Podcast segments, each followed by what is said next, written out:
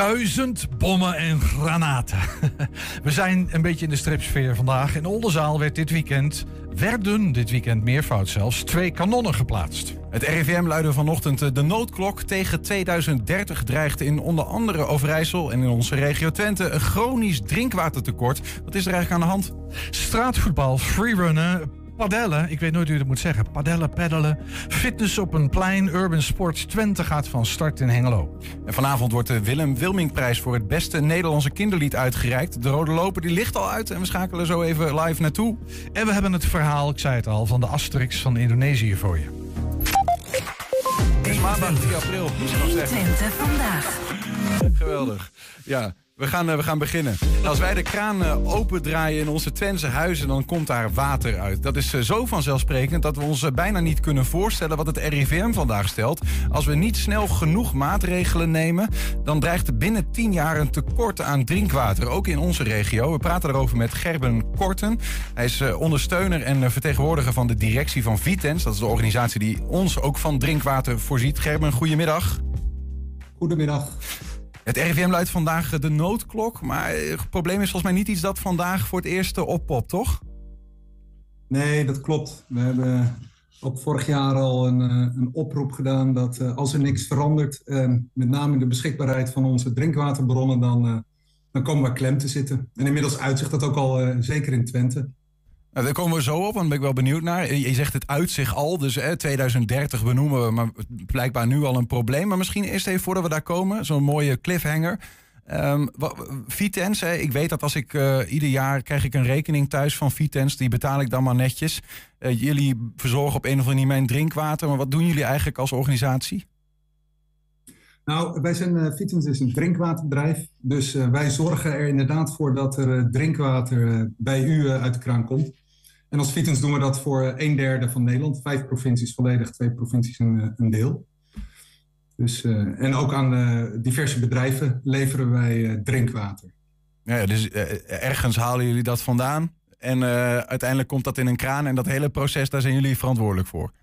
Ja, ja wij, halen, wij pompen grondwater op uit de bodem. En dat zuiveren wij op een aantal locaties. In Overijssel hebben wij in totaal 24 locaties waar wij het grondwater zuiveren. En vanuit daar wordt het verspreid naar alle, alle burgers van eh, Overijssel. Ook dus in eh, diverse bedrijven.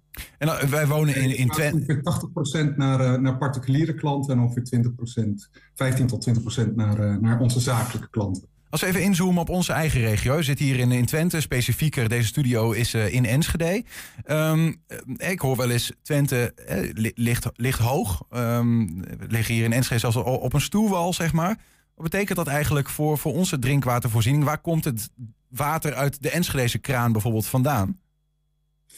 Nou, het is, eh, water uit de Enschedeze kraan komt vanuit eh, verschillende locaties. Maar inderdaad, omdat het in eh, Twente soms moeilijker al is om drinkwater op te pompen zonder dat je effecten hebt. Dus wij ervaren soms effecten vanuit landbouw, maar landbouw natuur ervaart ook effecten van ons. Dus wij, zien wij dat het moeilijk is om in Twente drinkwater te winnen.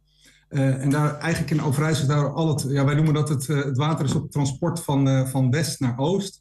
Dus eigenlijk Enschede wordt een heel groot gedeelte voorzien, bijvoorbeeld vanuit de regio Wierde. Maar ons productiebedrijf Nijverdal bijvoorbeeld, die, nou, die pompt het water eigenlijk ook richting het oosten. Dus zo zit dat dakpansgewijs, stroomt het drinkwater naar het oosten van Overijssel. Ja, precies. Omdat wij hier een beetje op de top van de berg zitten, eh, moet het een beetje naar boven worden gepompt vanuit het uh, bijvoorbeeld. Dat is wel interessant. Wist Ja. ik eigenlijk niet dat het daar dus vandaan komt. Ehm, nou, als we dan even naar, naar dat probleem gaan. Hè. We, vandaag eh, wordt er in alle media bijna geschetst. 2030 dre- dreigt een drinkwatertekort. Ehm, eh, nou ja, jij zegt eigenlijk net van op sommige plekken is dat nu al zo. Hoe, hoe kan dat eigenlijk? Hè? Neemt, eh, die, neemt het, eh, de bron van het water neemt dat af? Wordt dat minder of wordt de vraag groter? Wat is eigenlijk het- exact het probleem hier? Nou ja, eigenlijk, eigenlijk beide. Wij zien de, de vraag eh, toenemen. En dat is zeker eh, de, de laatste vijf jaar, na de droge zomers, eh, is, dat, eh, is dat enorm toegenomen, de drinkwatervraag. Mhm. En eh, dat zit hem in particulier. We verbruiken ook per persoon eh, toch weer steeds meer. Maar ook doordat er steeds meer mensen zijn, eh, het economisch goed gaat, waardoor de bij wijze van spreken zelfs een, een zakje chips meer gegeten wordt, waar ook weer water voor gebruikt wordt om te produceren. Dus is, eh, alles bij elkaar zien we dat daardoor de watervraag toeneemt. Mhm. En aan de andere kant zien we dus dat onze bronnen onder druk komen te staan. Daar waar vroeger, en dan praat je over 30, 40 jaar geleden, er bijvoorbeeld over bepaalde bronnen geen discussie was en er eigenlijk ook niet zoveel van gemerkt werd, zie je dat door de klimaatverandering het droger wordt. Uh, waardoor uh, er, nou, het soms ook botst met andere belangen die, die water nodig hebben. Mm. En dan heb ik niet over drinkwater, maar gewoon water uit het systeem. En dat is bijvoorbeeld de landbouw, de natuur. Um, uh, nou ja, um, overal is water nodig. En dan zie je dat op een gegeven moment ook, het, zeker in de droge, hete zomers, het, het water op is. En dan doen wij ook al wel oproepen van, hey, pas op, um, pas op met je tuin sproeien. Pas even Ja. op met je auto's wassen. Omdat we dan echt zien dat we aan de grenzen van van het watersysteem, maar dus ook inmiddels van het drinkwatersysteem aankomen. Maar dan, dan zou ik ergens verwachten, hè, want ik, ik zie die oproepen en volgens mij inderdaad ook steeds meer de afgelopen zomers. Maar dan, dan zou ik verwachten, ja, drinkwater, dat is voor ons zo cruciaal. Hè? We, we hebben gewoon water nodig als mensen, anders gaan we letterlijk dood. Um, Ja. Dan heeft dat toch, uh, hè, als je het, want ik hoor jou zeggen eigenlijk, ja, we moeten met elkaar, we hebben maar één pizza aan water, zeg ik wel eens. Nou, ja, we moeten die verdelen. Nou, dan is de drinkwater de hoogste prioriteit, lijkt mij. Ja, kijk, en, uh, ja, drinkwater is zeker de hoogste prioriteit. Ik zeg er ook gelijk bij dat wij, uh, in ieder geval vanuit de fiets, maar dat, dat geluid hoor je natuurlijk overal, let op, hè. drinkwater is dus wat anders dan je tuin sproeien. Mhm. Dus gebruik drinkwater ook waar het voor, voor bedoeld is. Uh, dus we kijken ook wel degelijk naar het bewust omgaan met water. Um, maar aan de andere kant zie je dus ook wel van dat, dat daar ook als we water weten te besparen door er bewust mee om te gaan, dat ook dan nog steeds wel de druk blijft bestaan op bronnen. En ik, ik ja, ik kan onderschrijven wat u zegt van pas op dat drinkwater niet het kind van de rekening wordt straks in alle belangen die water nodig hebben. Ja, maar dat is het nu uh, blijkbaar al. Want in het begin van het gesprek, even om die cliffhanger terug te halen, horen we dat dat voor sommigen al zo is. Dat die dus niet, gewoon geen drinkwater meer uit de kraan krijgen. Nou, dat geldt uh, vooropgesteld, dat geldt niet voor uh, onze uh, particuliere klanten. Maar zeker in Twente moeten wij al, kunnen wij niet alle zakelijke klanten meer aansluiten, omdat het niet, inderdaad geen drinkwater meer beschikbaar is. En we zien dat ook gewoon, ja, we krijgen dan vergunningen van, om het drinkwater te onttrekken. En um, wij zien dat nu een aantal winvergunningen uh, om grondwater te mogen onttrekken, onder, dus onder druk staan van bijvoorbeeld Natura 2000 of andere oorzaken, um, waardoor we die niet uh, volledig kunnen inzetten. Ja. Waardoor inderdaad nu al een, op plekken een, een, tekort is om iedereen te kunnen bedienen. En dat gaat om bedrijven in dit geval? In dus dit die, geval gaat het om bedrijven. Die, die mensen moeten dan spaaflessen in slaan. Of ik mag geen reclame maken. Hè? Of Show Fontaine of een ander soort mooi watermerk. doen die dat letterlijk zo? Gaat dat zo? Nou, let op, ik zeg daarom, er is voldoende drinkwater, hè, wat ik ook al, ja. ook al aangeef. Het gaat er alleen om dat er niet meer voor elke, uh, niet voor, al, voor iedereen overal uh, drinkwater voor elk doel vanzelfsprekend is. Ja. En wij kijken bijvoorbeeld bij zakelijke klanten ook van, um, nou ja, is het, hebben jullie ook drinkwaterkwaliteit nodig of heb je een andere kwaliteit nodig? Ja. Oftewel bijvoorbeeld uh, voedselindustrie, die hebben vaak gewoon echt drinkwaterkwaliteit nodig. Maar wij sluiten bijvoorbeeld al geen, um, overigens al langere tijd geen bedrijven aan die het, uh, ja, het zogenaamde grijswater gebruiken. Uh, dus ofwel die geen drinkwaterkwaliteit nodig hebben. Ja. Hetzelfde geldt eigenlijk voor de particuliere klanten. Alleen, uh, dus drinkwater is er voldoende. Maar wees er wel bewust van dat je misschien niet je auto altijd moet wassen. Of dat je met uh, toch wat korter moet douchen. Of je kraanwater, of je je tuin niet meer moet sproeien met kraanwater. Ja. Misschien nog heel even Gerben, uh, vanuit de andere zijde. Nog even naar het probleem. We moeten dus ook even richting oplossingen, denk ik. Maar um, ik, ik, vroeg me af, want je gaf het aan, de vraag wordt groter. Maar ik, ik vroeg me een beetje af hoe het zit met zeg maar, vervuiling van water. Ik moest denken aan die Vredestein-brand die hier geweest is. Waardoor het water van het Twentekanaal zodanig is vervuild dat het niet meer geschikt is voor drinkwater, al heel lang. Is dat een, een probleem dat toeneemt of wordt het water wel schoner? Of, in hoeverre speelt dat mee? Nou ja, wij zien ook wel heel veel bronnen nog steeds verslechteren in kwaliteit. Uh, dus het wordt soms steeds moeilijker om alles eruit te zuiveren. Uh, en daarbij ook hoe, hoe, zwaarder je zuivering moet zijn om alle stoffen eruit te krijgen. Betekent ook dat dat heel veel energie vraagt. Hoe, hoe vervuilder het is, hoe meer energie het kost. En uh, nou, ik hoorde net ook al zeggen van hey, het water de berg oppompen richting, uh, richting Twente. Ook dat soort uh, effecten kosten gewoon heel veel energie. Dus ook die opgave komt daar nog eens bij kijken. maar daarbij is het ook nog, nou ja, ik noemde andere soorten bronnen. het is natuurlijk ook wel raar dat wij eerst ons grondwater of ons water vervuilen. om het dan weer te zuiveren, terwijl we dat eigenlijk allemaal gewoon, gewoon schoon water zouden moeten hebben. Ja, ja. ja. oppervlaktewater, grondwater als kraanwater. Eh, stap je naar, naar die oplossingen? Want, want je zegt net al van hè, die oproep in de zomer, en die komt er weer aan. Uh, let op het watergebruik. We, hebben maar één keer dat water dat we kunnen gebruiken voor een doel. Maar wordt die vraag vooral bij nou ja, mij als inwoner van Twente neergelegd? Of, want ik, die, je kunt ook zeggen, we gaan de, de pizza anders verdelen, toch? Wie moet dit probleem eigenlijk oplossen? Nou, wat ik al zei, van de, de, voor ons is de provincie is, uh, uh, de vergunningverlener. Zij moeten ook zorgen dat we voldoende bronnen hebben. Dus uiteindelijk zijn zij een hele belangrijke partij in het, uh, ja, in het verdelen van die pizzapunten. dus die oproep doen we ook wel degelijk naar, naar de provincie. van hey, zorg dat wij voldoende pizzapunten hebben, lees drinkwaterbronnen. Ja. Ehm, maar ook dan is het natuurlijk nog steeds wel complex als iedereen aan de pizzapunten trekt.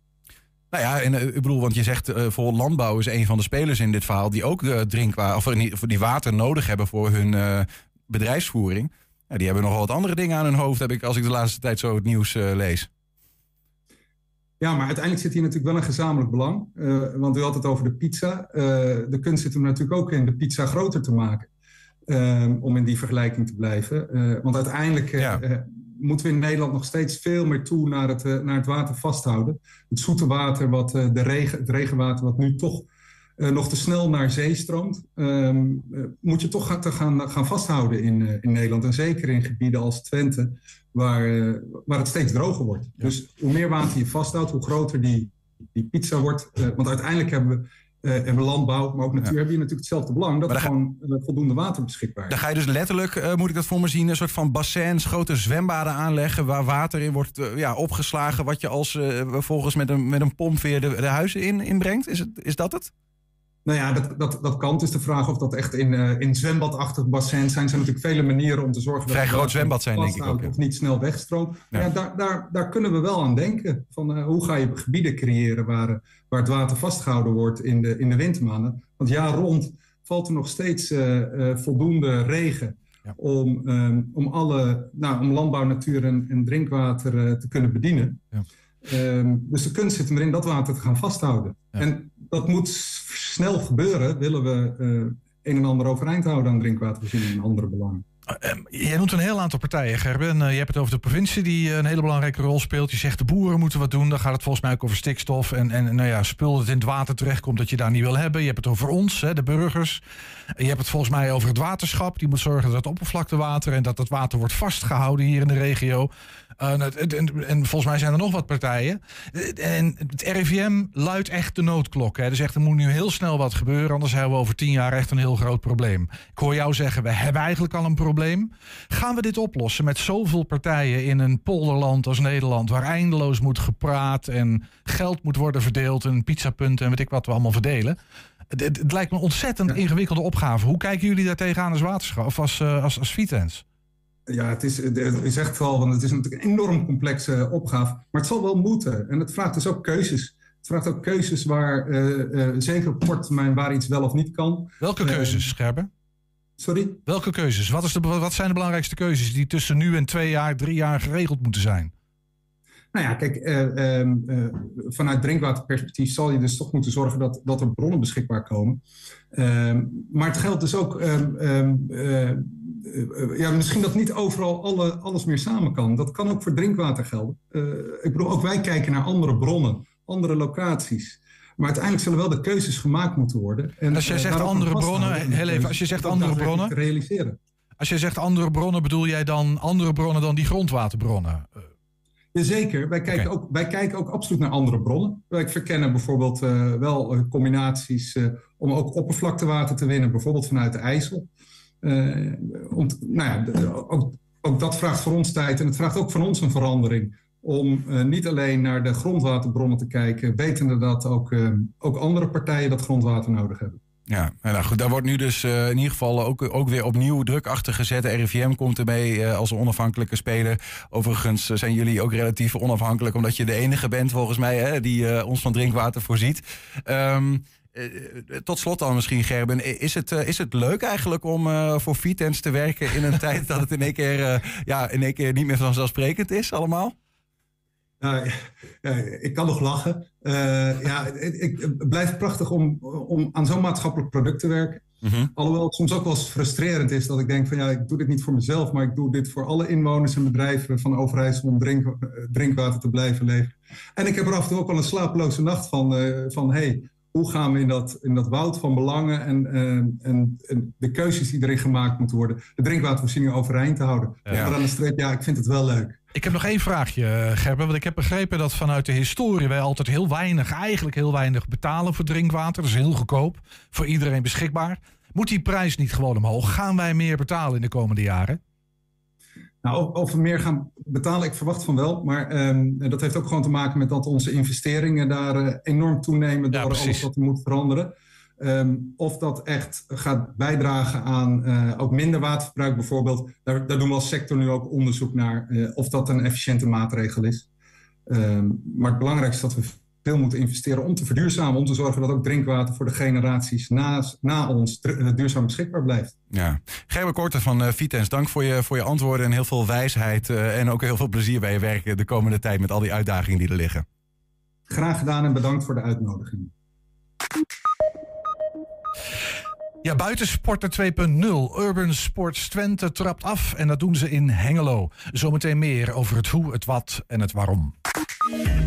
1 Twente. 1. 1 Twente vandaag. Samen met drie andere Oldenzalers had Jan Bekke een droom. Kanonnen naar Oldenzaal halen, dat hoor je goed. Om de geschiedenis van de stad tastbaar te maken. Gelukkig, het gaat niet over het heden. De stad speelde namelijk een belangrijke rol tijdens de 80-jarige oorlog. Dat is al een tijdje geleden. Vrijdag is die droom voor Jan en de anderen uitgekomen. Kijk maar.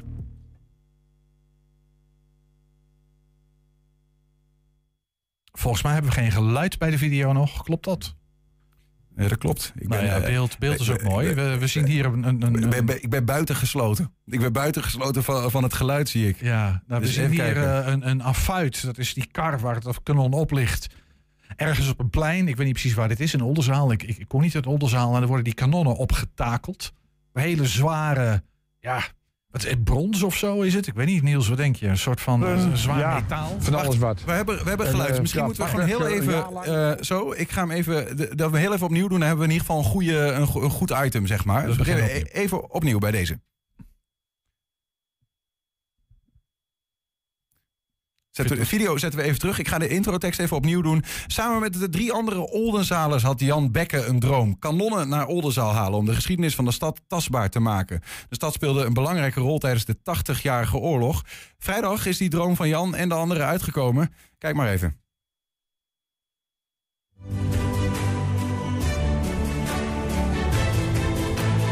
Het begon dus bij de droom van ons om toch op de gracht uh, nog historische elementen terug te brengen. We hebben toen een pleidooi gehouden van, ja, kunnen we niet een kanon plaatsen?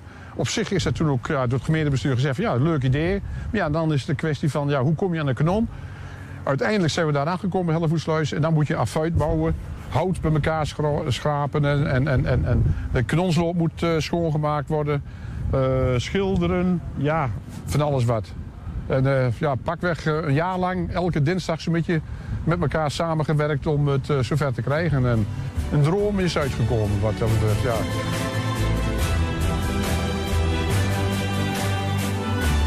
Iedereen heeft alles met, als je te maken hebt met de historie, gevoel hebt bij de historie van Oldenzaal. Je komt wel eens ergens in, in, een, in een stad waar ze hele mooie uh, oude kanonnen hebben. En dan krijg je dit in Oldenzaal. Dat is helemaal, uh, ja. We zijn nu bezig om het even vast te zetten. De, de beugels over de, kanonsloop in, dat niemand er meer kan, uh, kan weglopen. De rest wordt nou opgehaald en dan gaan we straks naar de Steenpoort, de volgende kanon plaatsen. Morgen gaan we het officieel, of, ja, officieel maar overdragen aan, de burgemeester en te zeggen van jongens, de klus is geklaard. Het is nu, uh, ja, hij staat. Onze droom is verwezenlijk.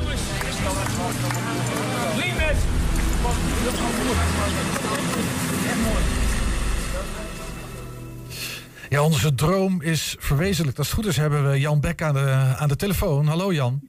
Dag. Zullen we tutoyeren? Mag dat? Ja, helemaal goed. Helemaal goed. Zullen we dat doen? Ja, ik, ik, want, ja. ja. dat, nou leuk. Onze droom verwezenlijkt. Ik, ik, ik meende, als ik zo naar die video keek, ook echt een soort van trots, opluchting. Was het emotioneel of is dat een beetje overdreven? Uh, op zich wel, ja. Als je dus uh, heel lang bezig bent geweest om die, om die kanonnen hier in Oldenzaal te krijgen, met alle pijn en moeite En op een gegeven moment, als je dan ziet wat het dan uiteindelijk geworden is, dan, eh, ja, dan ben je trots. Eh, maar ook eh, blij dat het, eh, ja, de klus geklaard is. Ja, dat snap ik. Veel pijn en moeite. Nee, en, en, en, en een droom. Nou, dat, is, ik zijn best grote woorden. Maar neem ons een, een beetje mee. Want het heeft nogal een aanloop gehad, het hele verhaal. Ja, ja ik, ik ben zelf raadslid van de gemeente Oldenzaal. En een aantal jaren terug hebben wij een plan opgepakt, opgevat om de single te gaan herinrichten. De single van Oldenzaal. De huidige single die loopt ongeveer op dezelfde hoogte waar vroeger dan de Oldenzaalse vestingswerken waren. De grachten en, en, de, en de, de, de, muren en zo. Ja. En toen hebben wij inderdaad een pleidooi gehouden bij de eh, vaststelling van die eh, uitgangspunten voor de herinrichting van het Singelpark. Om dan in ieder geval ook de historische elementen terug proberen terug te brengen. Onder andere een stukje st- eh, stadsmuur bijvoorbeeld. Maar ook met name een, een, of twee kanonnen. Want Oldenzaal eh, is een oude vestingstad geweest. Is in, de, in de 80-jarige oorlog zeven keer belegerd geweest. De ene keer door eh, Alfa of dan, eh, de Spanjaarden. De andere keer door de Staatsen. Onder leiding van eh, prins Maurits. En de laatste keer is, eh, heeft Maurits Oldenzaal heeft ver- eh, veroverd op de, op de Spanjaarden. Heeft hij ook gezegd van Oldenzaal, die bevestingsmuren moet afgebroken worden. De grachten gedempt. Ja, en toen is eigenlijk al het historische eh, verdwenen. Vandaar dat ons pleidooi van, ja, kunnen we dat niet terugbrengen? Ja. En dat is met, dat, eh, onder andere met deze kanonnen. Heeft dat een Ja. beetje. maar Ik, ik vroeg me even, als je dat zo vertelt, waar, waar stond Oldenzaal in die oorlog? Was dat prinsgezind of was het, was het, was het Eh, Alfa-gezind? Of heb geen idee eigenlijk? dubbelop, ja. Het is van oorsprong eigenlijk een, een, een katholieke enclave. Ja. En de, de Spanjaarden waren ook katholiek, dus eh, ergens zaten ze er een beetje tussenin. Eh Oldenzaal was niet zo groot. Ik dacht dat er 2.000, 3.000 eh, inwoners toen waren. En eh, ja, het, het, spannende erom, want eh, de, eh, onder de prinsgezinde, of onder de, de prins Maurits, moest, moest de katholieke kerk gegeven worden aan de hervormden, aan de gereformeerden. Maar toen de Spanjaarden er waren, kwamen die kerken weer terug. En aangezien Oldenzaal ja, redelijk rooms was, ja, hadden ze toch eigenlijk een kleine lichte voorkeur voor eh, de Spanjaarden. Ja, ja, ik, ik, je, je, verwoordt het heel voorzichtig. Hoor ik je zeggen. Ik, wil niemand op de tenen trappen. Nee, dat snap ik. Dat moet je ook vooral nee, niet doen. Degene die Nee. op de tenen zou moeten trappen, die, die, die niet meer. Maar als we Nou, heel eerlijk zijn, dan stonden die kanonnen daar toch vooral om de prinsgezinden een beetje uit de buurt te houden. Eh, eh, ja, dat waren dan de Spaanse kanonnen. Ja, precies. Ik vind dat een mooi bruggetje. Om dan even naar, naar de kanonnen die nu zijn geplaatst. Want die hebben jullie Ja. uit Hellevoetsluis gehaald, eh, hoorde Ja, ik in het filmpje. En dat las ik ook in de berichtgeving daarom. Eh, Want jullie zijn echt een zoektocht gestart naar die kanonnen. Ja, Wat zocht het- je dan? Het, het, is, heel, het is heel grappig, want na, na vaststelling van die, de uitgangspunten voor de herinrichting van een singlepark, is daar ook aandacht aan geschonken in de krant. En eh, twee, drie dagen later kreeg ik een, een bekende van mij, Gert Romein, een van onze vier kanoniers. eh, die zegt van God, Gert, ik zeg, of Jan, zeg, ik, heb, ik kan hem misschien wel een kanon komen, want hij is eh, duiker. En hij heeft veel in de, Oh. in de, in de, in, in de, in de Waddenzee gedoken naar Ja. oude VOC-schepen. En daar ook allerlei eh, kanonnen eh, opge- op, opgedoken. Onder andere in Terschelling heb je een museum waar heel Ja. veel van die kanonnen nog liggen. Eh, Precies. Maar, maar die kanonnen die zijn, hebben te lang in het zoute water gelegen, dus die zijn niet geschikt. Zeggen de mensen van, eh, van Terschelling. Zeggen, maar wij hebben nog wel kennissen in Den Bril. Dus ga ze bij Den Bril vragen. En Den Bril zegt, nee, dan moet je niet bij ons zijn. Maar onze nabuurgemeente, Hellevoetsluis, die heeft in een landtong aan de haven eh, oude kanonnen ingegraven om daar de boten aan vast te, liggen, te leggen. En eh, die moeten ze kwijt, want dan gaan ze nieuwbouw plegen. Dus wij eh telefoontje gepleegd naar uh, Hellevoetsluis. Ja, kom maar een keer kijken, want we hebben inderdaad daar kanonnen. Ja. Nou, lang verhaal kort. Via het gemeentebestuur van Oldenzaal contact gezocht met het gemeentebestuur van Hellevoetsluis. Ja. En het resultaat is dat wij twee kanonnen in bruikleen konden krijgen. Maar eh, Jan, jij, jij, Ja. vertelt me dat deze, deze twee kanonnen... die hebben gediend als afmeerpalen voor schuiten. Ja, ja dat is toch niet te geloven? En ze zijn uit, uit... Hoe oud zijn die dingen? Eh, ik dacht dat 1700, eh, 17, Ja, precies. 1800. Dus gewoon echt, echt wel de tijd waarin je ze wil hebben eigenlijk. Ja, ja, ik vroeg me net even of dat, want jij gaf al aan, ze waren aangetast, zout water. Wat, wat voor materiaal is dat? Het is eh, gietijzer. Oh, gietijzer. Die zijn ge- gegoten in Sheffield in, eh, in Engeland. Want dat was een grote, in de Engelse, Engelse uh, kanongieterij. Ja. En eh, die zijn er ook, eh, bovenop kanon staat ook een klein kroontje met een P van proef. Die zijn dus ook eh, geproefd. Ja. Net als tegenwoordig eh, andere, alle apparatuur. Ze hebben een keurmerk. Dit, Ja. natuurlijk een soort keurmerk. En, eh, ja, en wij hebben ze dus opgehaald Ja. met eh, behulp van de vrachtwagen van de gemeente. En toen zijn we begonnen met het afbikken. Want als die palen ja, 100 jaar in, in, de, in de grond staan, daar zit nog een dikke laag ijzeroer op als het ware. Dus en het moest er afgebikt worden. Dat is een enorme, En enorme klus om ze schoon te krijgen. Ja, ja, maar, ja. heel even, want, maar je hebt ze volgens mij, want jullie hebben kanoniers, hoorde ik je net zeggen. Nou, nee, dat, dat is het groepje van vier. Ja, Dat is eh, Henk Winkelhuis, Marcel Oude, Marcel Oude Engbrink, ja noem ze Gert. Romein en ondergetekende. Wij vieren eh, hebben eh, onze schouders eronder gezet om Ja. die kanonnen dus naar ons zaal te halen. Mhm. Om die kanonnen schoon te maken.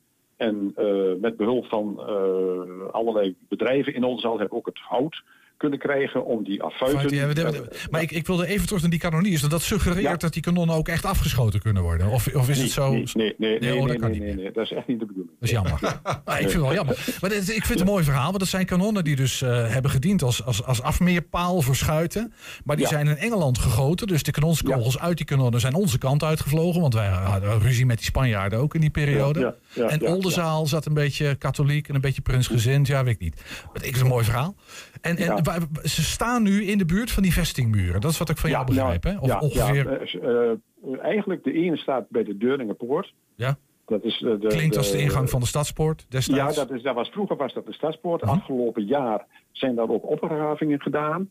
En eh, daar hebben we inderdaad de, de fundatie van de binnenpoort en de buitenpoort bloot kunnen leggen. Eh, en ja, en, en er is ook een hele tentoonstelling van geweest. We noemen het eigenlijk het uh, Oldenzaal is het Pompeii van, van Twente. Want daar, daar zitten echt de, de oudste. Jij, maakt het, jij maakt het wel mooi, Jan. Het Pompeii Ja, ja, ja, van Twente. Ja. Maar goed, maar waar dat kanon staat, er zit aan de overkant zit, zit de oude voormalige Rabobank. En die, daar was in de tijd ook een hele tentoonstelling ingericht. Eh, wat betreft die, eh, die opgravingen van die binnenpoort en die buitenpoort van de Deurningenpoort. Ja. En een stukje stadsmuur en zo. En net daarnaast hebben we dat, eh, dat kanon kunnen plaatsen. Ja. Ja. Dat hebben jullie gedaan op affuiten. Hè? Dat zijn die karren, Ja. zeg maar even, waar die dingen op staan. Zoals Ja. we ze ook kennen uit, nou ja, Pirates of the Caribbean. Ik noem maar even wat. Ja, Maar dat soort dingen zijn het. Ja, Hey, en, nog even, want hij, ze staan er vijf jaar, Jan. Nee, we hebben de kanonslopen hebben we gekregen in bruikleen voor vijf jaar. Oké.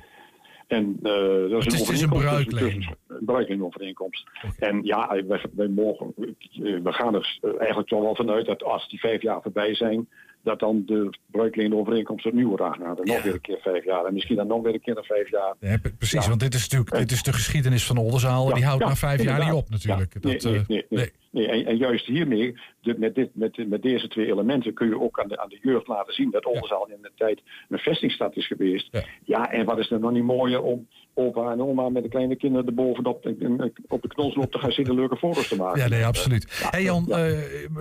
Eh, tot slot, als we het dan hebben over de geschiedenis van de Oldenzaal. Ja. eh, nou, eh, dat gaat je aan het hart, daar ben je mee bezig, dat begrijp ik. Ja. Je hebt vast een wensenlijstje. Wat staat er bovenaan jouw wensenlijstje van je zegt dat is er nog niet, maar dat moet er wel gaan komen? Nou, eh, voor mij persoonlijk zeg ik, eh, ergens in de single. We, we, kunnen precies aangeven van eh, waar vroeger de, stadsmuren hebben gestaan. Ja. Dat, die worden dus nu eh, in moderne eh, uitvoering eh, vi- gevisualiseerd, dus, dus kenbaar gemaakt. Mhm. Ja. Maar eh, ergens heb ik een, ja, toch een wenslijstje dat dat op een bepaalde plek met oude eh, kloostermoppen, dat zijn die ouderwetse stenen van vroeger, dat daar een stukje stadsmuur terugkomt. Mhm. Gewoon echt een stukje stadsmuur echt, metselen. echt een stukje oude stadsmuur. Ja. Bij deze alvast een oproep aan alle Oldenzalers om mee te komen metselen. Ja, dat Maar- nooit doen we het zelf, maar dat, dat, dat kon vroeger ook iedereen. Ach, en als je daarmee bezig bent, eh, als je aan de gang gaat, kun je alles. Dan leer je, dan leer je met elkaar, leer je dat. Ja. En dat is gewoon, dat, dat lijkt ook hier ook weer, als je, als je daar wilt met elkaar de schouders eronder zetten. En dat is ook, want we hebben ook ontzettend veel medewerking gekregen van allerlei bedrijven. Ik noem maar Bulthuis, een houtzagerij, heeft al het hout Ik, beschikbaar ik snap gesteld. dat je dat allemaal wil zeggen, Jan. Maar eh, Ja. ik, ik, ik wou toch echt nu naar een afronding toe. We hebben onze volgende Nou. gast al klaar zitten. maar oké. dankjewel voor je super enthousiaste verhaal. En volgens mij hebben jullie er een heel mooi, ja, een mooi element bij om de verhalen van Oldenzaal eh, te kunnen vertellen. Dat denk ik. Dat is zonder meer een feit. Ja. Jan Beckhorst, Oké. dankjewel. Oké, dank Eh, Willem Wilmink, wie kent hem niet? Vanavond wordt de prijs voor het allerbeste Nederlandse kinderlied van het afgelopen jaar uitgereikt. Die is naar hem vernoemd. We schakelen zo meteen live naar de Rode Loper. En zijn ook als podcast te vinden. Hè? Op alle bekende platforms vind je 120 Vandaag. Dat zijn gewoon de hele uitzendingen. Maar ook elke dag knippen we één item los. En die vind je dan op 120 Vandaag uitgelicht. Twente. 120 vandaag. We gaan het hebben over urban sports. Dat zijn allerlei vormen van sport en, en bewegingsactiviteiten die plaatsvinden in de stedelijke openbare ruimte. Dat klinkt heel formeel, zometeen weet je precies wat het is. Maar denk aan outdoor fitness, straatvoetbal, freerunning, padel. En als dan de bestuursleden van de nieuwe sportvereniging Urban Sports Twente ligt, dan komen er straks veel meer tukkers op een laagdrempelige basis in beweging. Bij ons aangeschuiven is oprichter van Urban Sports Twente. Ik zie, al, ik zie haar niks duim meer te al zeggen. Ja, nou, Esther, je kunt weer gaan. Esther Laurens, eh, is dat Esther? Goedemiddag, leuk dat je er bent. Ja, je mag nog niet weg hoor. Nee, dank je. Goedemiddag. Goedemiddag, misschien je microfoon even goed dicht voor je mond. Ja, sorry. Kunnen we je goed horen. Goedemiddag. Maar jullie zijn net van start gegaan. Ja, jonge, een jonge vereniging. Een jonge vereniging. Platform zou ik haast willen zeggen. Urban Sport Twente eh, vanuit Hengelo Noord van start gegaan eh, met eh, de bedoelingen zoals je die net aangaf. Dus ik kan wel weer gaan, dankjewel. Nee, nee, nee, nee, nee, blijf even zitten. Want ik heb misschien ook wel een paar lastige vragen voor je. Je hebt geen idee. Ehm, maar zoeken jullie nog mensen? Van, ik- ik- hoe werkt het precies? Is dat waarom je hier zit ook? Ja, nou, Ja. ik zeg terecht eh, dat je dat eh, vraagt hoor. Want eh, het is een open en nieuwe structuur. Het is nog niet bekend bij iedereen. Het is geen vereniging waarbij je in de traditionele zin van het woord lid wordt, contributie betaalt en af en toe eh, de tas moet oppikken om te gaan coachen en of de kantine moet schoonmaken. Dat is allemaal niet aan de orde. Eh, het is een platform Is je kunt aanhaken op sport. Niet aan de orde of nog niet aan de orde? Nee, niet aan de orde. Komt ook niet aan de orde. Nou, dat kan ik niet uitsluiten. Of dat er iets komt waarbij je ook Nee. eh, bijvoorbeeld op een plek, een locatie, iets verzorgt vanuit die locatie. Ja, maar dat is nog niet zo ver. Vooralsnog niet de Nee. allereerste opzet. Maar eh, dus, dus jullie zoeken mensen die mee willen gaan doen. Daar zullen we meteen even over hebben. Zoek je ook bestuur, trainers, eh, dat, dat, dat soort mensen? Of is Nou, dat allemaal klaar? Nou, nog niet helemaal, want we zijn er inderdaad nog maar net opgestart. En ehm, waar we al wel sinds 2019 aan werken, is samenwerken met bijvoorbeeld eh, Wijkracht. Om op laagdrempelige manier mensen in beweging te krijgen, samen fit en eh, fit worden en blijven. Ehm werk al samen met bijvoorbeeld eh, stichtingen, met ehm, Ik ga- Only ik- ik wil- Friends. Ik wil zo meteen heel bijvoorbeeld graag even naar die... Dus ik wil zo nog even we zijn al wel wat langer bezig. Ja. Maar die structuur voor het bieden van een open platform met eh, dynamische, innovatieve sporten, dat is vrij recent. Nou vraag ik me af, vroegen wij ons af, hoe, hoe is nou het idee ontstaan voor, voor nog een sportvereniging? Ik bedoel, we hebben er al een hoop. Die hebben het niet altijd even makkelijk.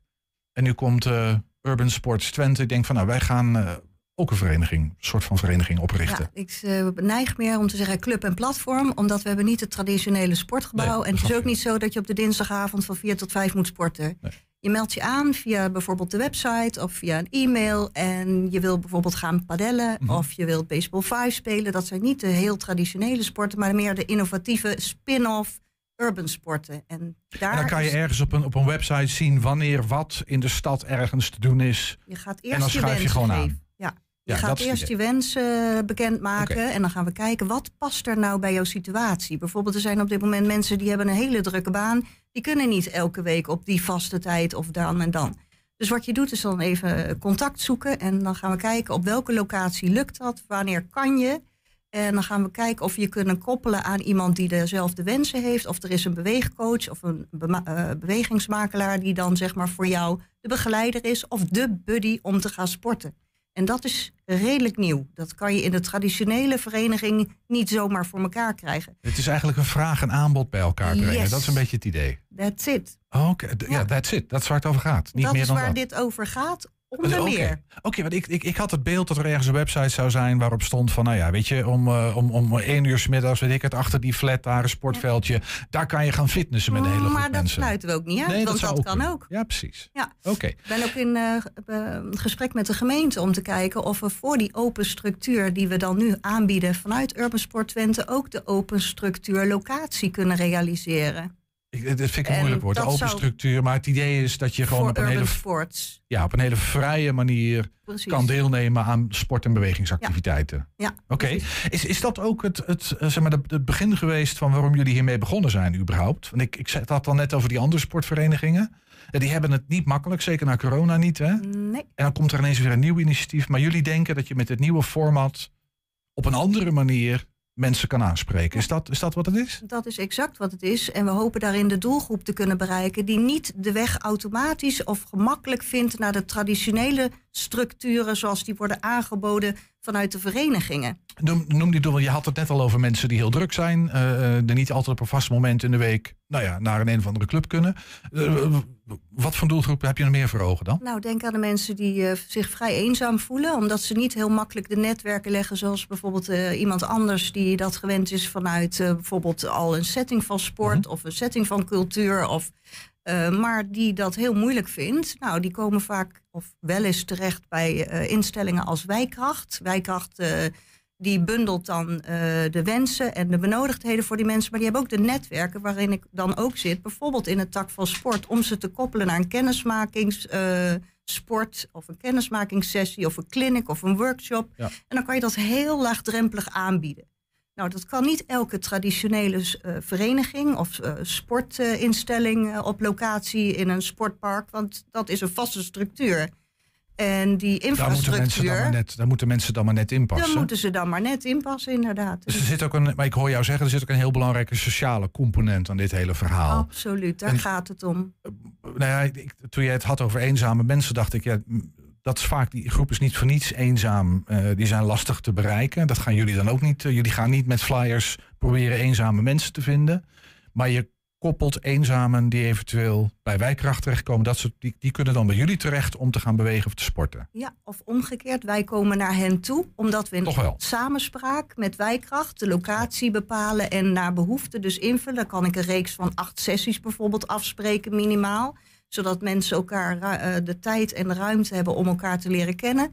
En dan uh, huur ik een locatie, of uh, Urban Sport Twente huurt een locatie en zorgt voor de faciliteiten en ook de training en de coaching. Maar je zegt huurt een locatie. Ik, ik kan ook, het barst natuurlijk van de voetbalveldjes en de sportveldjes. Uh, ik denk ook in Hengelo. Ja, dat kost niks, toch? Nee, dat klopt. Dus Daarom kan het ook heel laagdrempelig ja, precies. en on demand. Ja. ja. Helder. Zijn jullie, wat ik nou ja, die, die, de, de, laat ik het dan, de amechtig heigende sportclubs in Hengelo, die proberen leden en bestuursleden, allemaal mensen te krijgen van kom sporten, want bewegen is zo belangrijk. Dat is natuurlijk een hele oude boodschap. En het lukt, nou ja, het is best lastig. Um, concurreer je nou niet een beetje met die uh, bestaande sportclubs die misschien toch al wat wat leeglopen zijn en die lopen, die hebben helemaal geen kans meer om nou ja, nog weer nieuwe doelgroepen aan te boren. Ja, ik uh, maak, merk wel uh, dat uh, mensen zijn met wat koudwatervrees in dat soort gelederen en vooral in Is het koudwatervrees of zit daar misschien ook wel een terechte angst in? Mm, nou, dat denk ik niet en dat probeer ik altijd uit te leggen. Kijk, ik kan complementair aanbod, dus aanvullend aanbod bieden. dat doe ik eigenlijk nu al via Urban Sport Twente, bijvoorbeeld in samenspraak met Achilles 12 Achilles 12 is een vereniging, een voetbalvereniging in Hengelo-Noord. Ze doen fantastisch, 1100 leden. Uh, maar ik kan daar uh, onder andere mijn Baseball 5 aanbieden, Urban uh, Soccer aanbieden en waar ze willen. Want dan huur je daar faciliteiten en daar maak je niet, gebruik van. Daar mag ik gebruik van maken ja. in samenspraak met bestuur van Achilles 12. Ja. En dat gaat in uh, pais en vree. Dus we concurreren niet, we vullen elkaar aan. Ja, dat sluit ook wel een beetje aan. Ik weet niet of, of u dat uh, platform kent, maar de sportnetwerk, uh, sportnetwerk Hengelo, waar we laatste gesprek over hebben gevoerd, dat de, de, verschillende verenigingen in Hengelo eigenlijk kijken van waar kunnen we elkaar inderdaad vinden. Hè? Waar, waar, misschien vroeger misschien de gedachte was van ja, de ene voetbalclub strijdt tegen de andere. En dat is nog steeds wel zo. Maar ze hebben natuurlijk allemaal het liefst dat de mensen blijven sporten. Of dat nou bij hen is of bij een ander. Exact, dat is ook de formule. Samen fit worden en blijven. En met elkaar de samenwerking zoeken en de complementaire zaken bij elkaar aanbieden. En niet elkaar de tent uit concurreren, want dat is niet nodig. Dat vind ik ook niet nodig. Dat is niet mijn gedachtegang. Daar ben ik helemaal niet op uit. Wat doe je zelf eigenlijk, Esther, ja, aan de Urban Sports? ik vroeg precies hetzelfde af. Van hoe, ja. Waar komt dit ehm, vandaan, Esther? Mijn voorliefde komt uh, uit... Nou, ik heb allerlei sporten beoefend. Maar in het recente verleden honk en softbal. En een van de spin-offs in de urban scene is daar bijvoorbeeld de Baseball 5. Het is nog niet zo heel erg bekend. Maar het is een... Uh, een snelle infield game noemen ze dat. Het heeft dus niet die enorme infrastructuur van een oppervlakte van een honkbalveld die bijna niet te overzien is, zo groot. Uh, je hebt geen knuppel, maar je slaat met een vlakke hand of met je vuist de bal het veld in en dan gaat het on. Nou, dan gaat dat dynamische spel van start. En dat is zo fantastisch dan moet je een keer uitgeprobeerd hebben en then you're hooked. Wat, wat is Nou, dat? Want eh, dat is ook weer een soort van padel. Wat padel voor tennis is, lijkt dit dan weer voor, voor, de, voor de softbal of honkbal. Ja. Wat is dat voor beweging eigenlijk? Dat al die sporten een soort van flitsende variant krijgen. Nou, dat kan ik je wel vertellen. Dus ze ontstaan in urban scene, bijvoorbeeld in de, in de banlieues van Parijs. En deze sport, eh, Baseball 5, komt uit Cuba bijvoorbeeld, eh, kent zijn oorsprong. Mhm. Daar hebben ze niet die infrastructuur en de luxe om even een, een veld van eh, 100 meter Ja, ja. gestrekt neer te leggen. Dat, dat is er niet. Ja. Dus wat gebeurt daar? Ze gaan straatversies bedenken die wel speelbaar zijn. Het is het pleintjesvoetbal in Amsterdam, waar toch Yes. grote voetballers uit voortgekomen Ja. zijn. Dat is feitelijk wat het is. hè? Maar dan in het een, een nieuwe variant. En, en eh, het, het zijn ook met name die sportvarianten volgens mij, als ik het zo'n beetje begrijp, die jullie aanbieden. Exact. Ja. Lekker makkelijk in de stad. Ja, niet te moeilijk Nee, en niet te duur. Allemaal, het moet voor iedereen bereikbaar zijn. Je moet er ook niet eh, een half uur voor onderweg hoeven zijn. Nee. En jullie beginnen in Hengelo nou heel Twente veroveren, dat is ongeveer het idee.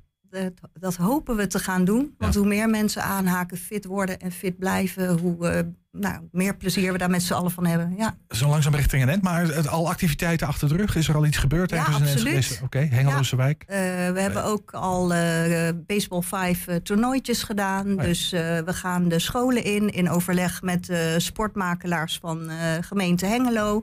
Ik heb al contact met eh, Wijkracht om dus eh, de clinics te geven en te verzorgen voor de doelgroepen van Wijkracht. Klinkt goed. Kortom, it giet on. Ja, precies. Eh, Timmeren hard aan de weg. Als mensen nou zeggen van, goh, dit is leuk, we willen meer weten. Waar kunnen ze dan terecht?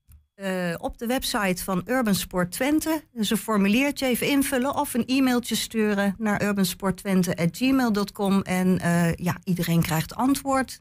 Urbansportstwente.nl. Dat was hem, hè? Dat is het. En dit was Esther Laurens van Urban Sports Twente. Hartelijk dank voor je uitleg en eh, succes. Graag gedaan. Dankjewel Ernst en Niels. Ik vond dit fantastisch. Heel leuk. Nou, leuk dat je er was.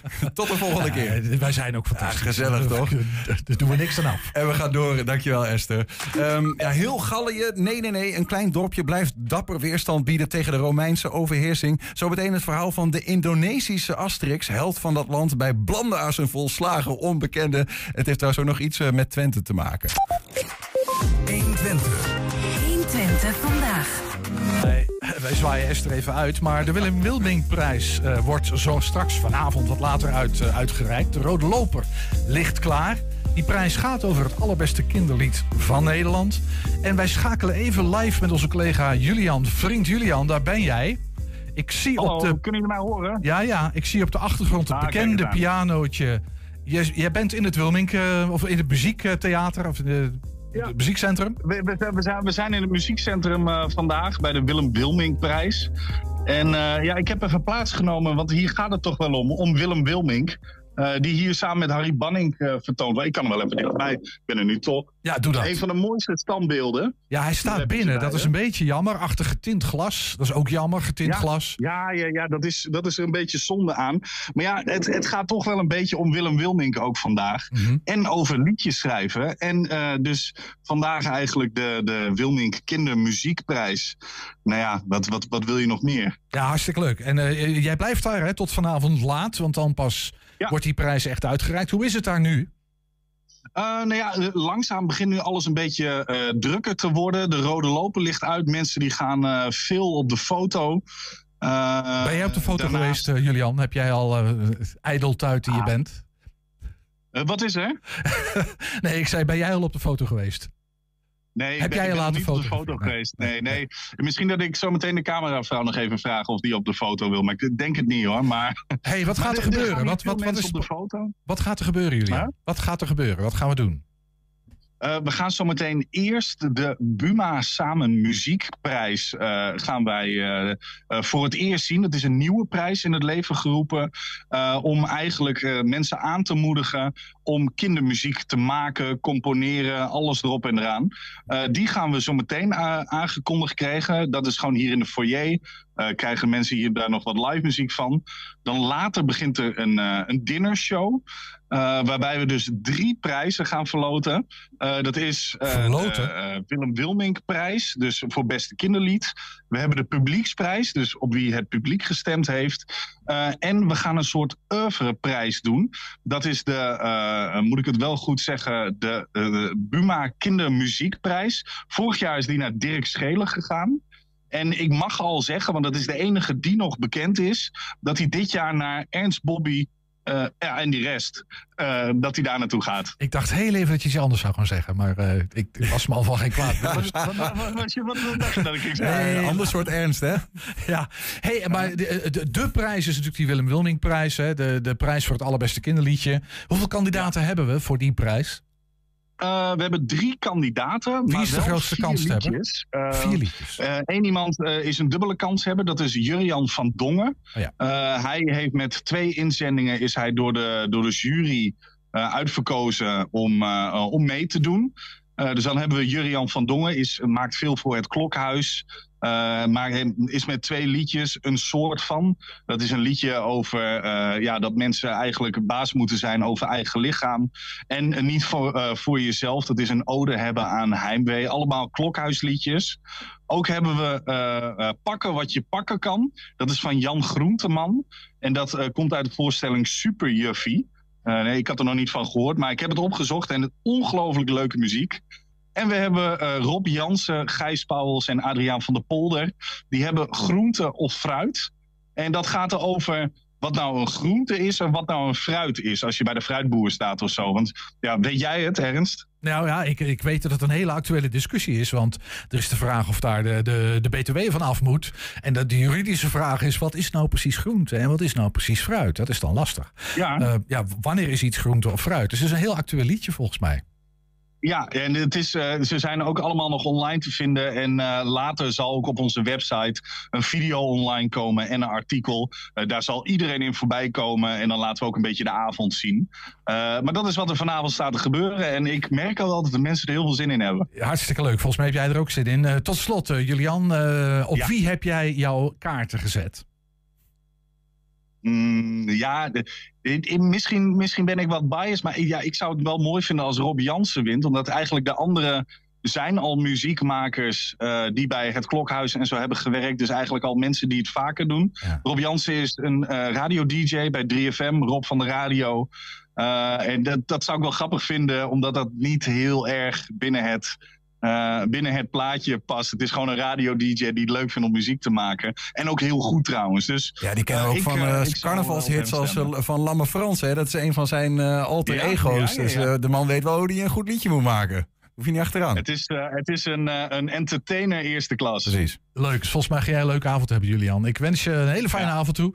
En later op onze website dus uh, een live, nou ja, niet een live, maar een verslag van Julian Vriend uh, over deze Om tien uur. avond, de Willem Wilming-prijs. Thanks. 120. 120 vandaag. Heel Gallië, nee, één klein dorpje bleef uh, wapper. Nou, ik maak er echt wat van. Eén klein dorpje blijft dapper weerstand bieden tegen de Romeinse overheersing. Quizvraag, uh, Niels. Um, de oorsprong van deze beroemde frase. Ja, goed. Als je het over Gallië hebt, dan denk ik meteen aan Asterix. Dat kan niet Dat- anders, niet omheen, ja. Asterix en Ja, Obelix. Dat kleine dorpje dat weerstand bood. Nou ja, dat klopt. Ehm, eh, die strip, hè, Asterix en Obelix, of die figuur misschien ook Asterix, dat had, als je het een beetje romantiseert, misschien net zo goed uit de geschiedschrijving van Indonesië kunnen komen. Eh, want dan had je, dan had Asterix, en moet je even opletten, een ingewikkelde naam, eh Teuku Umar geheten. Dus echt waar, Teuku Umar. Dat is eigenlijk de Indonesische Asterix. Ooit van gehoord? Ja. Eh, ja, ja hoor, tuurlijk, tuurlijk. Ja, ik ben gewoon naar school geweest. Jij liegt. Jij, ik, ik- het is dat je pink niet kan voelen op deze afstand. We zitten iets te ver van elkaar. Nee, als je het mij niet verteld had, had ik gedacht dat je het dus in je gerecht eh, kan doen. En dat het pittige hè. smaakt. Je hebt er echt nooit van gehoord. En dat is heel gek, hè? Want in Indonesië is dit een enorme verzetsheld. Er is een marineschip naar hem genoemd. Er is een universiteit die naar hem heet. Zijn vrouw, ook een verzetsheld, staat op een bankbiljet. Het is echt een grootheid in Indonesië. Mhm. Het land dat wij gekoloniseerd hebben. Wij hebben nooit van deze man gehoord. Wie wel van deze man gehoord heeft, dat is Edwin Blokker. Natuurlijk, van de Museumfabriek. Hey Edwin, eh, daar zitten we weer. Je hebt nu je witte handschoentjes aan, dus ik zal wel aan het karretje komen, maar proberen met mijn vingers van het object af te blijven. Ja. het, het, het is een kanon. Ik- even kijken hoor, want dit is. eh, Het kanon was eigendom van Tuku Umar, hoofd der Archeërs. Het is een heilig kanon, te zien aan het aapje en de krokodil. Geschonken door de heer en mevrouw Schaap te Enschede. Oké. Eh, Ik ben enigszins wijzer, maar eh, nog lang niet zo wijs als dat ik zou willen zijn. Nee. Gaat, Nee. ook, niet, gaat ook niet gebeuren waarschijnlijk. Nee, maar eh, Maar als het om dit kanon gaat, heb ik alle hoop. ja, ja. Wat Maar is ja, het? Ja, nou, eh, dit, is- dit is het of een kanon van eh Tuku Umar. En, eh, Tuku Umar? Tuku of Tuku, dat wil zeggen iets als heer. En net als dat je hier zegt de heer van dat of de baron van dit, Ja. eh, heb je daar dus, dus, een, een hoog edelman. Zo moet je dat zien. Ja. Dus eh hoog edelman en hij heette Umar. Hij was eh, tweede of derde zoon van iemand met heel veel grond in Aceh. Ja. En het Aceh, daar, daar gaat het even over. Hè, want, eh, nou ja, zoals Ik voel het al. Aceh-oorlog, Hollanders. nou ja, ja bedoel, van, van, van, van eh, Nederlander had, had eigenlijk, die probeerden zoveel mogelijk gewassen uit, uit, uit Nederlands-Indië destijds eh, Ja. te halen. En eh, op een gegeven moment dacht van, nou, het wordt toch efficiënter als we een land gewoon eh, bezetten. Ja, laat ik maar gewoon zo eh, noemen. Hè. En eh, eh, nou, dat deden ze vaak door ook sultans om te kopen en, eh, eh, en geschenken te geven. En zeggen, je mag meedelen in de belastingen en zo. Eh, dus op die manier kregen ze controle eigenlijk over heel Nederlands-Indië. Ehm, maar er was eigenlijk één deeltje wat, hè, met het Romeinse Rijk hè, dus, eh, en, en Asterix. Eén dorp. Er was één, één deeltje wat zich nog bleef verzetten. En dat was Atje. Daar kregen ze niet onder de duim.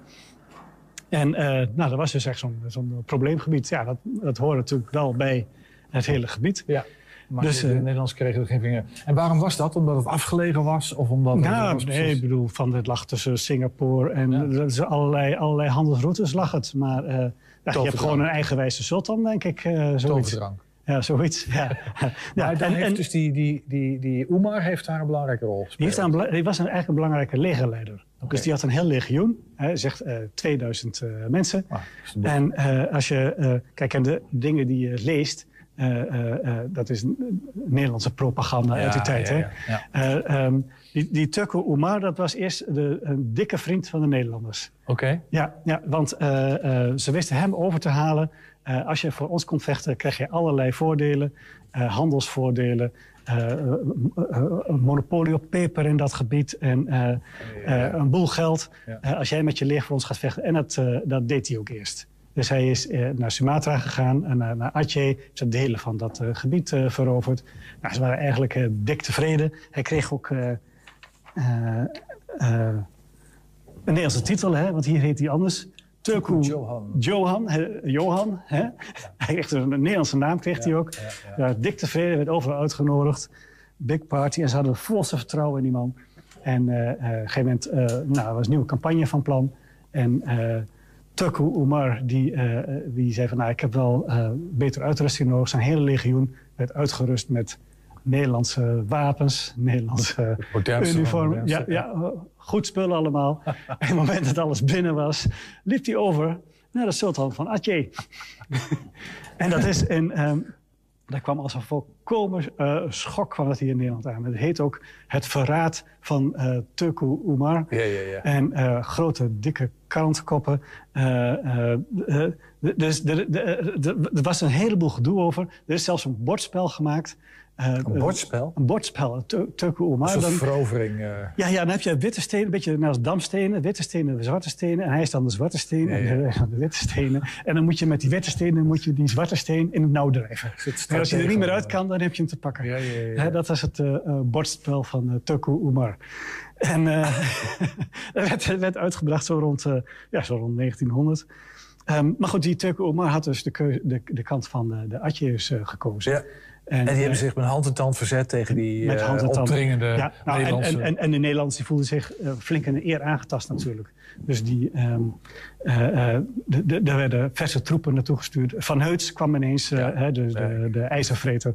Eh, die kwam daar naartoe. Er moest korte metten gemaakt worden met die Turko Umar. En de veldtocht werd er op stapel gezet. Het wordt ook een soort prestigestrijd dan. Ja, Even los van gebied, maar gaat het ook gewoon over... Precies, de, Ja. die verrader zullen we te pakken Ja, krijgen. precies. Daar, Ja. daar gaat het om. Ja. En eh, eh, ze hebben hem opgejaagd tot, en, en voor het dorp waar hij woonde, de kampong. Eh, dorp, stad, nou ja, stad kan je niet Maar dat was redelijke vesting. Een, versterkte nederzetting, Ja, ik zeg het. Ja. Eh, was verdedigd misschien wel met dit soort kanonnen. Ja, serieus, ja. heeft een driedaagse veldslag plaatsgevonden met de troepen van Turku Umar en de Nederlandse troepen. Ja, dat was ongelijke strijd.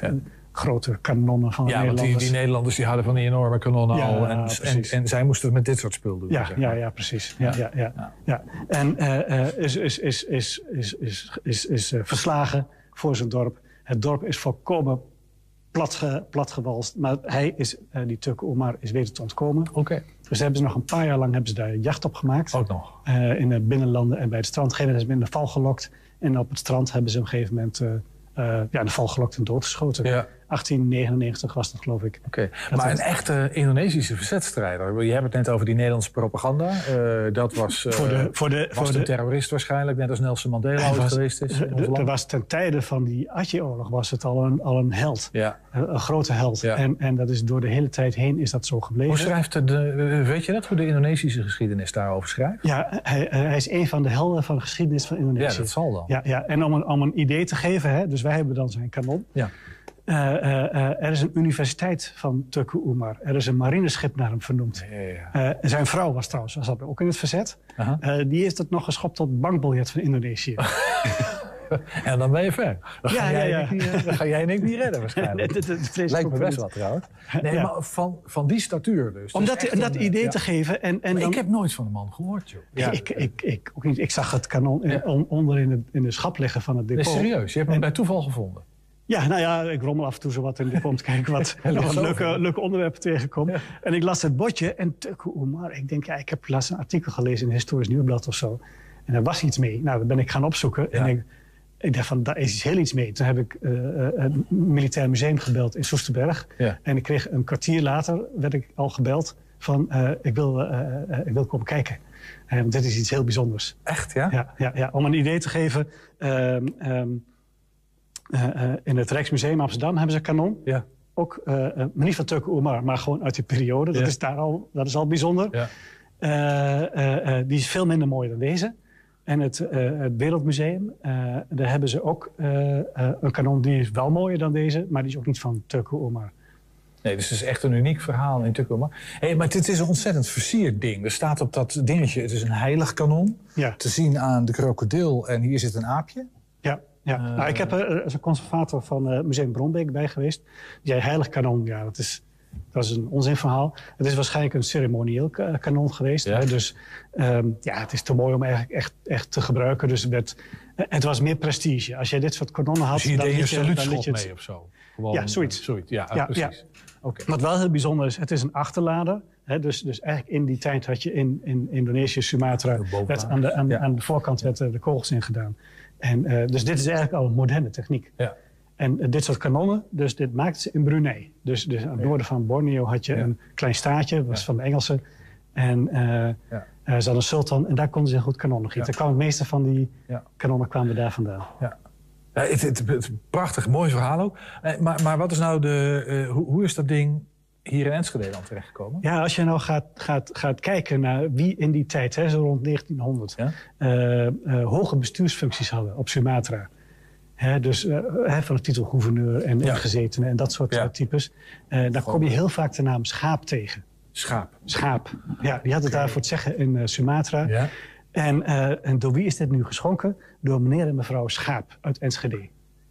Right. Dus daar moet dat zijn ergens of een- nazaten daar moet of ergens zijn mensen liggen. die Ja, zijn ja. teruggekeerd naar Nederland. Ja. Of, In de overdrachtspapieren staat weeschaap, dus dat is nog, nog iets meer aanknopingspunten. Oh ja. En die eh, conservator van Brombeek die is aan het uitzoeken of dat hij kan uitvinden of dat die weeschaap met Enschede een link had met een van die ja. eh en weet jij vanaf wanneer het in de collectie zit dan? 1944. Oh ja, dus Dat is dat is wel, wel eh, typisch in de oorlog dat ja. geschonken is. En hij is echt zo 1899 zo, eh, rond die periode is die Tukku Omar eh, omgelegd Ja, ja, op ja, het ja. strand. Ja, ja, precies een jaar Dus daar ervoor of zo is, die, is, 40 dat- jaar is dat dorp plat, plat gebrand. En alles wat ze met dat, hè, want die conservator vertelde, dat, dat dorp en die, al die bezittingen, hè, hij had een versterkt huis, die Tuku Omar in dat dorp.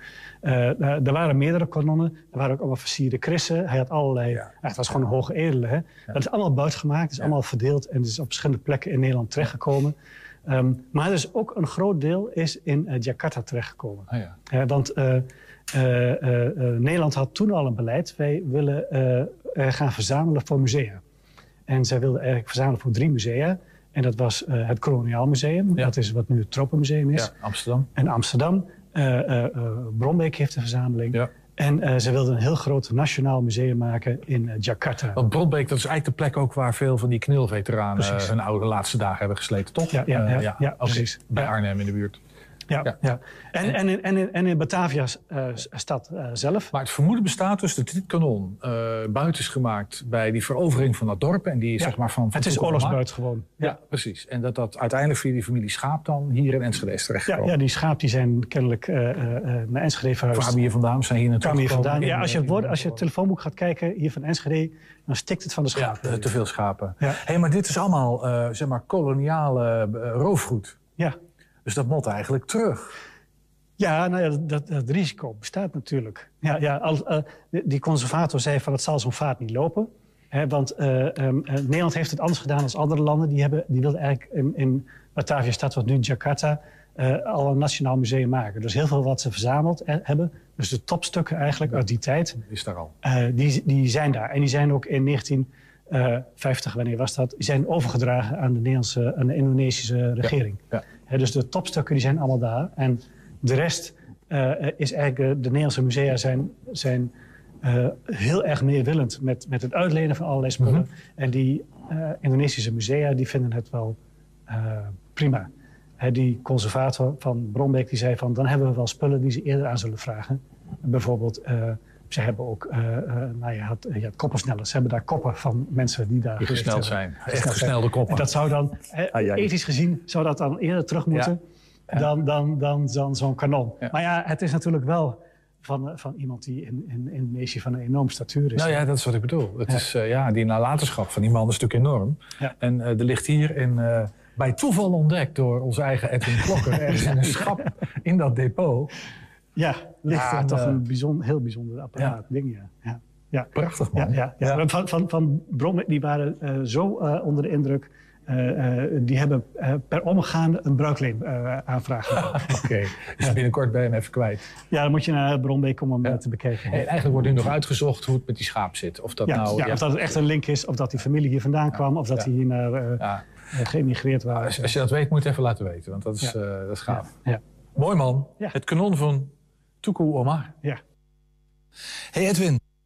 Dat was hem. Dat was hem. Uh, uit, de, uit de oude doos ergens gehaald. Volgens mij nog nooit eerder in het programma geweest. Ja, ik kan me niet herinneren. Nee, soms maak je prachtige dingen die dan toch uh, net even de eindstreep. Nou, dat is natuurlijk ja. niet waar. Maar we hebben hem volgens mij niet uitgezonden. We hebben lopen zoeken, maar we kunnen niks vinden. Ja, ik gun je de zomer, Ernst. Zag, jou, uh, zag, zag er goed uit, die tent. Lekker, hè? Dan sluiten we mee af de uitzending van vandaag. leuk dat je erbij was op deze manier. Wil je nou terugzien of heb je iets gemist vanavond om 8 en 10 uur op televisie te zien? Ook op 120.nl staat hij zo meteen helemaal integraal terug te kijken. Dan straks op deze zender Henk Ketting met een dampende kettingreactie. Heel veel plezier daarmee en tot morgen. Tot morgen.